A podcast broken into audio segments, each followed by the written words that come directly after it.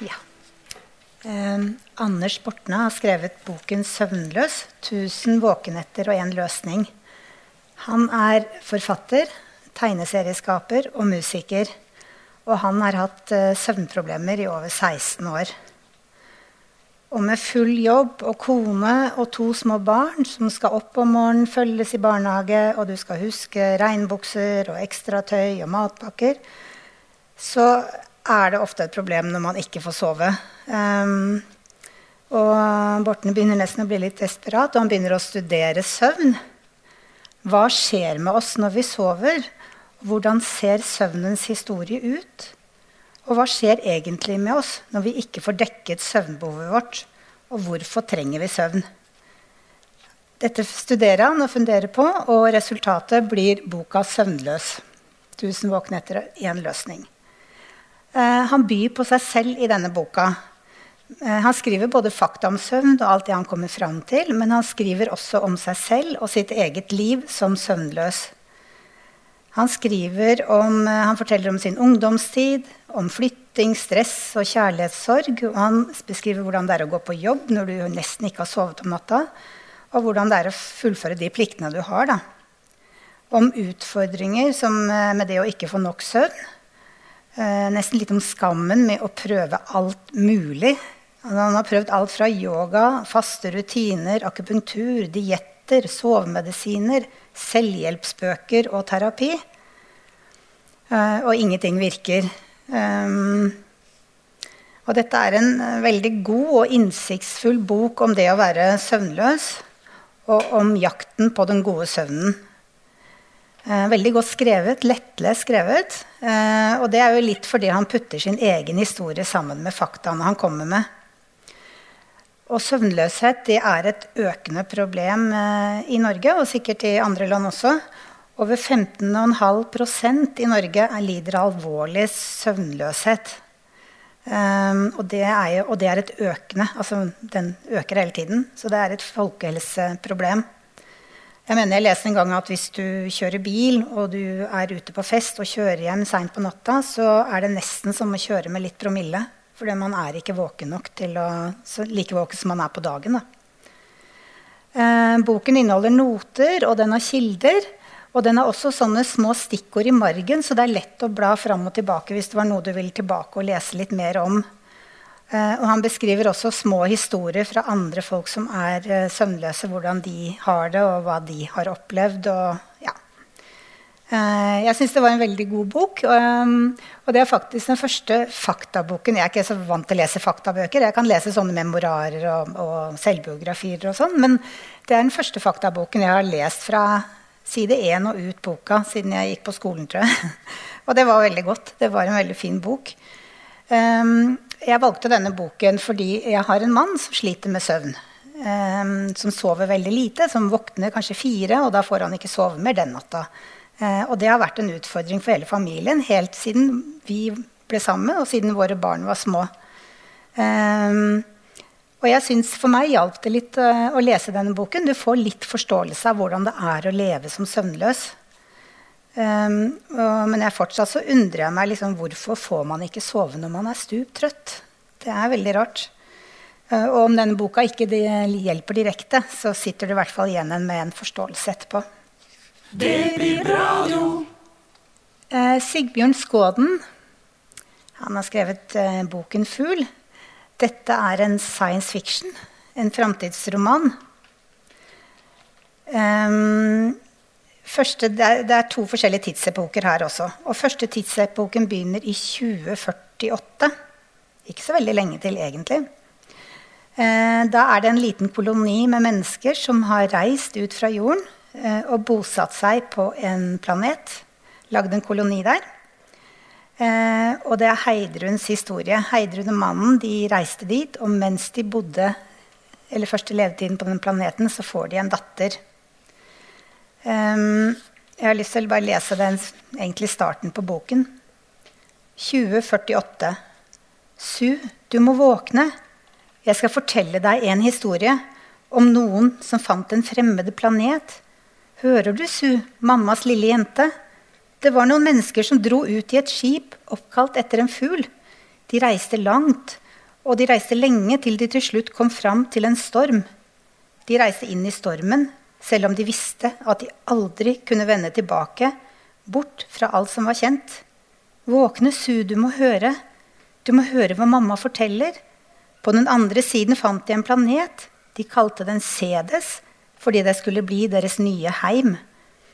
Etter ei tid ble et jentebarn født på denne planeten. Det var du, Su. Det var du. Så hopper vi til 2147, eh, altså 100 år fram i tid. Da er det Persiles, eller mannen, som han kalles i hele historien, som eh, er hovedpersonen. Eh, på Sedes, eller Heim, som de kaller den, så bor det nå 33 innbyggere. Eh, de, det er en veldig karrig planet. Du ser jo litt på, på, bildet. Det er ikke mye grønt og det er ikke mye planter og sånn der. De, de, lever et utrolig nøkternt liv. Det er mye stormer og uh, uvær på planeten. Uh, og det er jo sånn at det er tre individer som bor der. Hvis det blir født et barn det er, det er veldig få barn som fødes, men når det blir født et barn, så må en annen ut. Og da er det de eldste som viker plassen for uh, de nyfødte. Um, det kommer en ny koloni, eller nye mennesker opp på planeten eh, i 2147. Og de har jo bedre teknologi, og de, eh, de bosetter seg litt sånn ved siden av. Eller, eh, og det er spørsmålet er om de skal flytte inn og bo sammen med de, den kolonien som allerede befinner seg der, eller hva gjør man med det? Eh, og de nye menneskene de forstår ikke den nye planetens begrensede muligheter for utfoldelse. De har ikke kunnskap til å forstå det. Eh, det som Heidrun og hennes mann oppdaget når de fikk datteren Su, og hun vokste opp, var at hun hadde ikke språk. Av en eller annen grunn så eh, forsvant talestemmen når, når hun ble født. Og det gjelder også alle de andre som ble født etter den tid. Så de kommuniserer ved hjelp av skrift. Og det er litt sånn, eh, Hva skjer når man bosetter seg på en ny planet? Eh, hvordan går det med oss da? Og jeg synes det, er, det er jo et aktuelt tema. Da. Jeg vet ikke hvorfor disse menneskene måtte forlate jorden, men med de klimakrisene som er nå, kanskje virus, kanskje, kanskje det er et eller annet som skjer som gjør at vi en eller annen gang må forla, forlate vår planet. Um, så dette er en tankevekkende og lettlest bok om håp og isolasjon og stillhet og fremmedgjøring.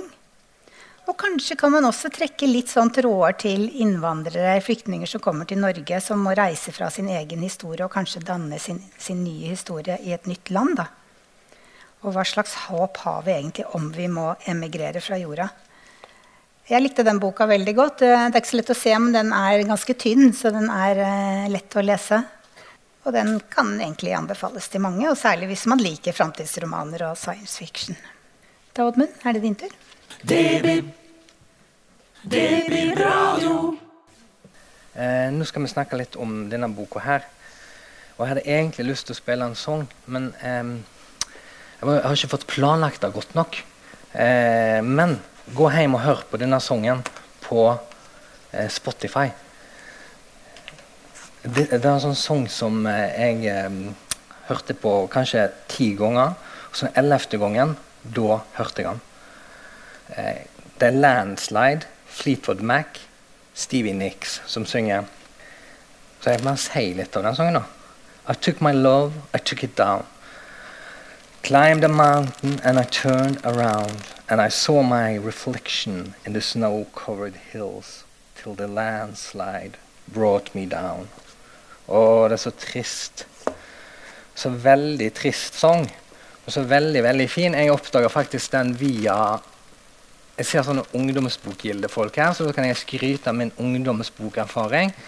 For jeg leste Walls, nei, hva heter det? 'Perks of Being a Wallflower'. Var det riktig? Og den er jo en fantastisk bok fordi den har en playlist på slutten. Det er jo så vakkert, men playlist. Og den var en av sangene på playlisten. Og som sagt, den ellevte gangen da. Og siden så blir det Jeg blir helt sånn tatt av den sangen forrige gang. Den har jo for så vidt ikke noe direkte med denne maskarasøvnboka å gjøre, men jeg syns den har noe den å gjøre fordi det er litt den stemningen vi er i. En sånn melankolsk etterpå-stemning. Noen har blitt avvist. Vår, gode, vår kjære, kjære, kjære hovedperson Edith har blitt avvist. Og det er leit, for jeg blir glad i Edith. Er veldig kunstnerisk person, veldig, jeg tenker veldig sterk personlighet. Og selv, veldig selvstendig personlighet. Hun bor rett og slett ute på en holme. Eh, for hun har lyst hun maler. Hun jobber mot en kunstutstilling. Og så har søstera sagt at hun må skrive, sende et hjerte en gang i uka, sånn at søstera skal skjønne at hun er i live. Det er liksom avtalen. Så blir hun dratt inn på land da, og møter denne her Arvid-kjekkasen. Eh, som er nesten kidnapper henne. Han er sånn veldig ivrig på at hun skal bli med i bilen. I fall. Skummelt. Skal ikke bli med menn i biler. Det vet sikkert alle dere. Eh, og da vet egentlig hun Edith òg, men hun blir nå med. Og så blir hun veldig sånn Nå skal jeg gå av. Og da går hun av. Og så roper han eh, liksom 'Å, jeg vil ha telefonnummeret.' Og mm, så gir hun telefonnummeret. Og så Jeg syns egentlig det er hans skyld. da. Så det er hun som må lide. Altså, han blir så irritert på det. Det er hun som må lide hele, på dette her. For, for han, eh, han, der Arvid har sånn fryktelig, fryktelig dame. Men det kan dere lese om sjøl. Skal ikke si noe mer om det. Jeg kan bare lese litt på følelsen. da, og Kanskje det var derfor jeg kom på den sangen. Hun står og ser på et, eh, et sånt ba, eh, Det er jo i Nord-Norge. Vi er i nærheten av Harstad. Jeg er ikke helt sikker på hvor vi er. faktisk. Jeg vet De kjører innom etter middag på Svolvær av og til, så vi er oppi der. Eh, og så står hun og ser på noen kongekrabber i et akvarium. Røde, harde kropper, klør som vikler seg inn i hverandre. Sakte, stive bevegelser. Hver av dem er merket med en chip. Man kan skanne dem for å få vite mer.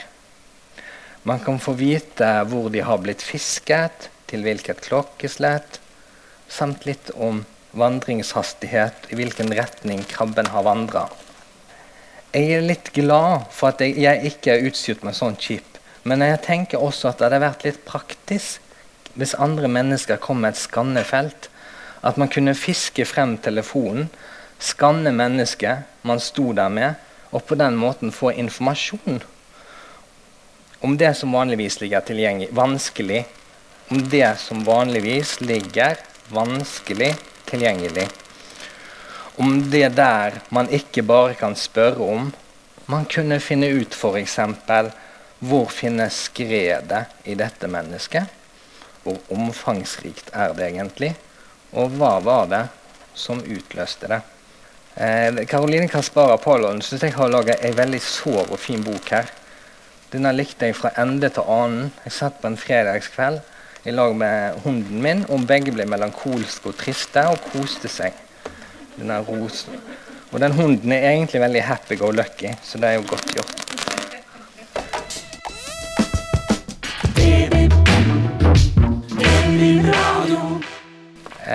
Nå skal vi litt opp i eh, tempo og humør, og vi skal til Finnmark. Og er det noen som er fra Finnmark her?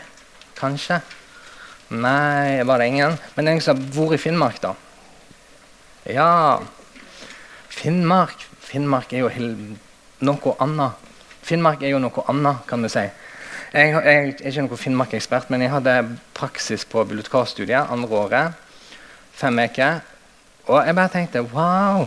Det er så lite, eh, det folkeslaget Du minner meg jo ikke om noe jeg har møtt før. Du har bodd der oppe litt, har du ikke det? Eh, de er liksom Jeg husker en gang, da, bare for å ta et eksempel. Så var det en dame fra Jeg er jo de damene, da. Så sto hun på scenen sånn som meg, og så sa hun ja, 'Jeg har visst glemt å ta meg underskjørtet'. Og så tenkte jeg det er jo hilarious, så bare sto og sier det på scenen. Og så bare gikk hun videre. Det er et eller annet med den der eh, folkesjela, da. Ingeborg Arvola skriver virkelig fra da landskapet. Vi er i Finnmark, og vi er rundt forbi. Eh, vi er f.eks. i Sør-Varanger, Kirkenes, Neidenelva ser vi, Pasvikdalen. Vi møter et par jenter som skal på eh, er et navn som jeg, jeg må ta litt sats for å si. Kare Suando. Jeg vet ikke hvor det er engang. Kanskje det er i Finland eller Sverige. Jeg vet ikke. Vet noen av, dere det? Ja, takk. Takk, takk. Ja, fint, for det skjønte ikke jeg. Eh, jeg vil si én ting, sånn at dere ikke blir sure på meg etterpå. Denne novellesamlinga er litt ujevn. Det er et par noveller som passerer forbi. Så tenker jeg, Hvor mange noveller må være perfekt før jeg, jeg skal like en novellesamling? Alle? Det er veldig vanskelig. Og så jeg godtar at noen kjører meg forbi, kjører litt sånn hodet forbi. Og så tenker jeg de som er gode, de er gode. F.eks. tittelnovella 'Plutselige varmegrader'. Wow, for en novelle! For en hovedperson! Lillian. Jeg elsker Lillian.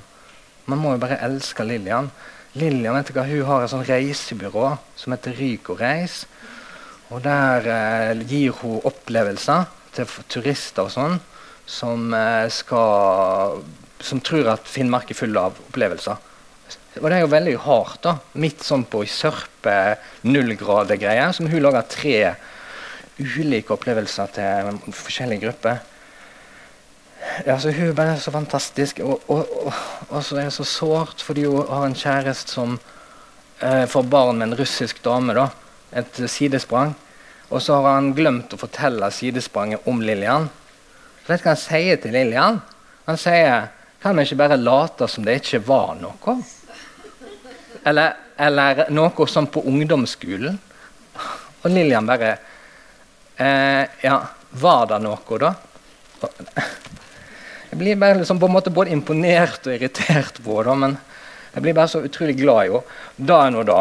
Men så er den tittelnovella, da. Den overgår det meste jeg har lest på veldig lenge. For den er original, hylende morsom, veldig rar. Veldig mye på en gang. Plutselig varmegrader. Flom. Franske turister. Ville bjørner osv. Så, videre. så jeg, jeg, vet ikke, jeg Dette må bare oppleves Opplev denne boka sjøl. Og så um, skal jeg gi ordet igjen til Monica.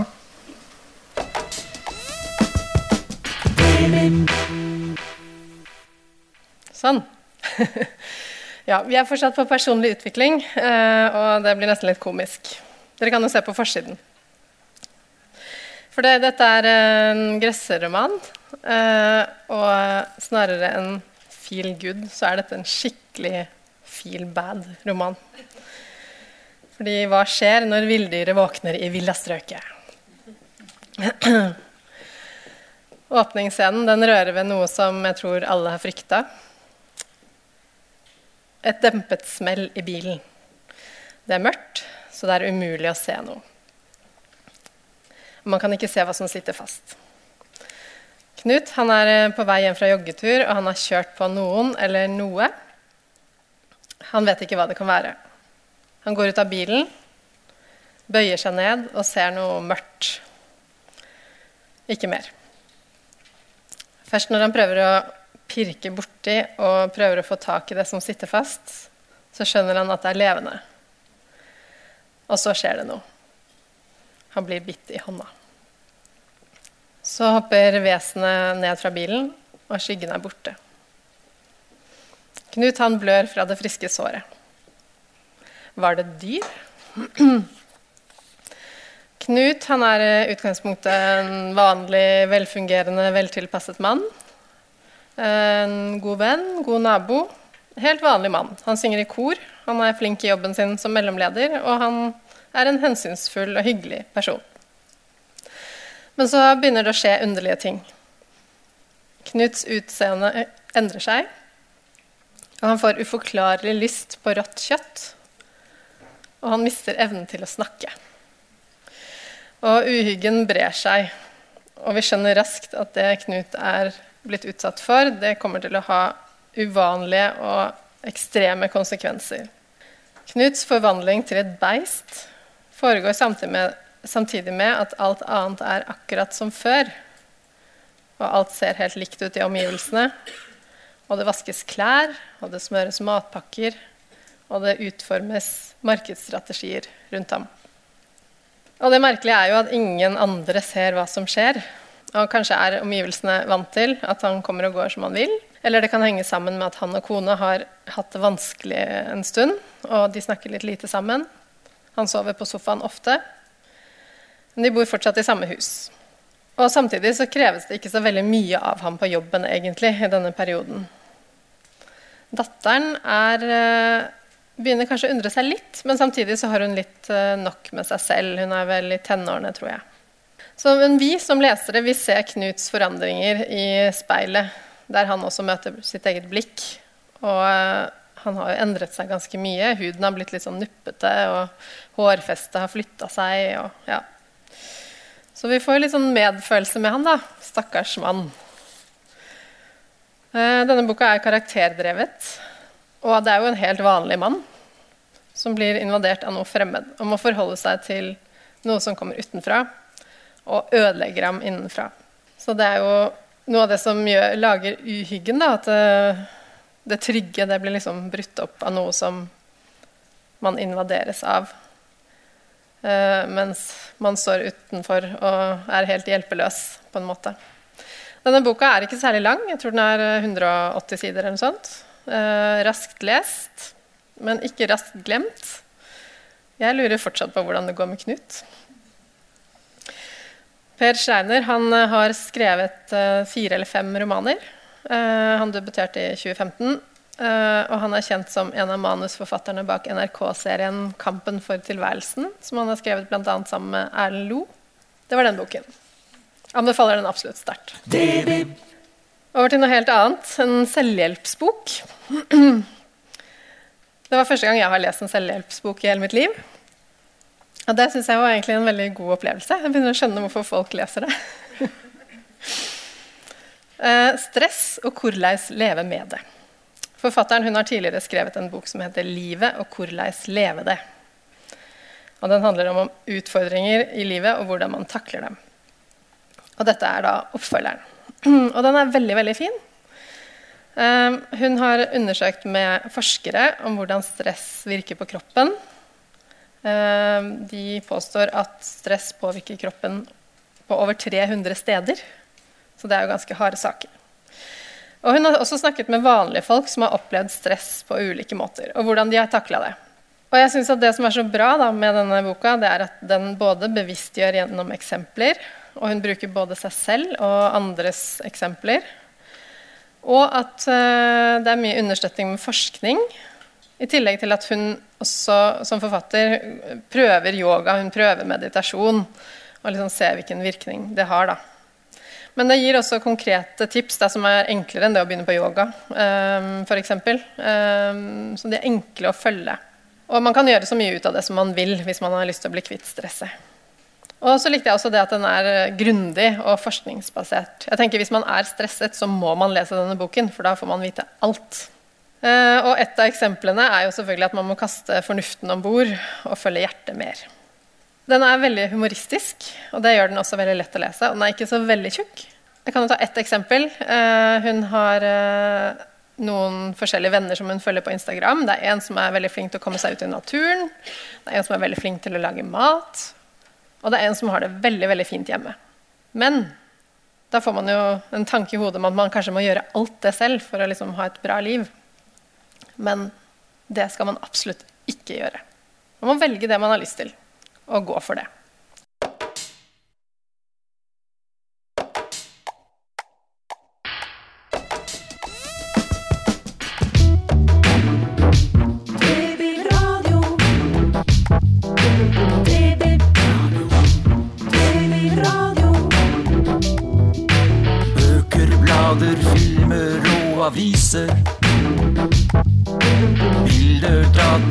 Musikk og nett.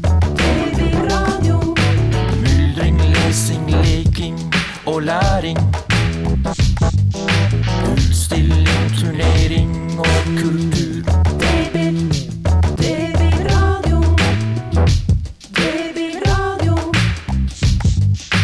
Foredrag, kurs, seminar, debatter. Konserter, teater og lek.